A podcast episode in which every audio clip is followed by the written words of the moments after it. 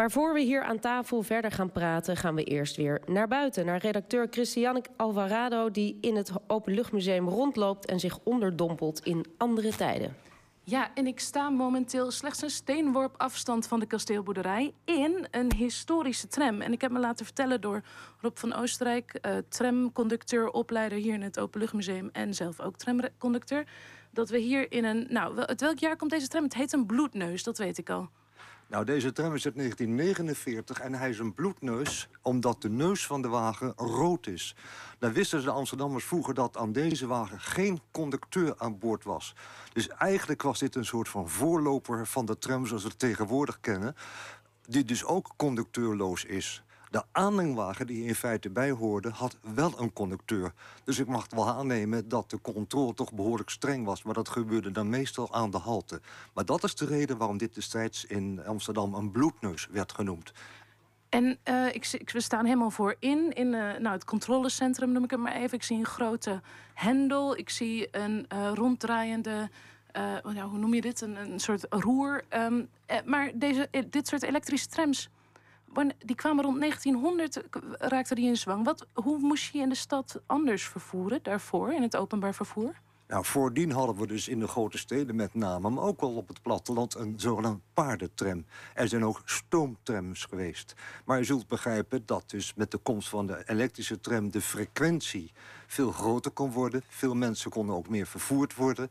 En dan moet je zich voorstellen dat het wagens waren uit begin vorige eeuw. En als je dan kijkt naar de techniek van die tijd, dan word je eigenlijk helemaal stil. Want zo'n schakelkast, we bedienen dat met een rat en niet een roer. Maar die schakelkast is eigenlijk de voorloper van de computer. Het is een prachtig systeem en het werkt na al die jaren nog steeds vlekkeloos. Een rat en niet een roer, ik zal het onthouden. Maar en uh, wat was nou, we hebben het deze maand over wetenschappelijke innovatie, vooruitgang, Eureka. Wat was nou het voordeel van die elektrische tram ten opzichte van die paardentram? Nou, zoals gezegd, de frequentie waarmee je dus met die trams kon rijden was veel groter. Ook omdat je dus sneller op kon trekken.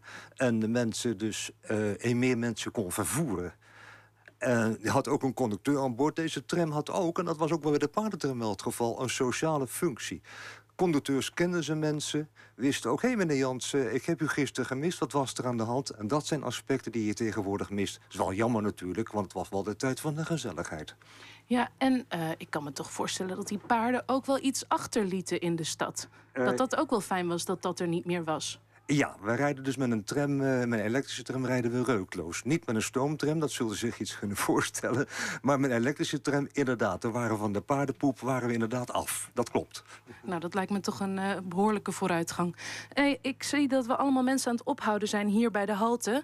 U moet denk ik door. Rob van Oostenrijk, mag ik, dit is een droom die in vervulling gaat... mag ik even klingelen aan de trambel? Het gaat er nu gebeuren. Zo, en ik stap uit. En uh, nou, Rob van Oostenrijk, hartstikke bedankt. En uh, een mooie rit vandaag. Laura, we gaan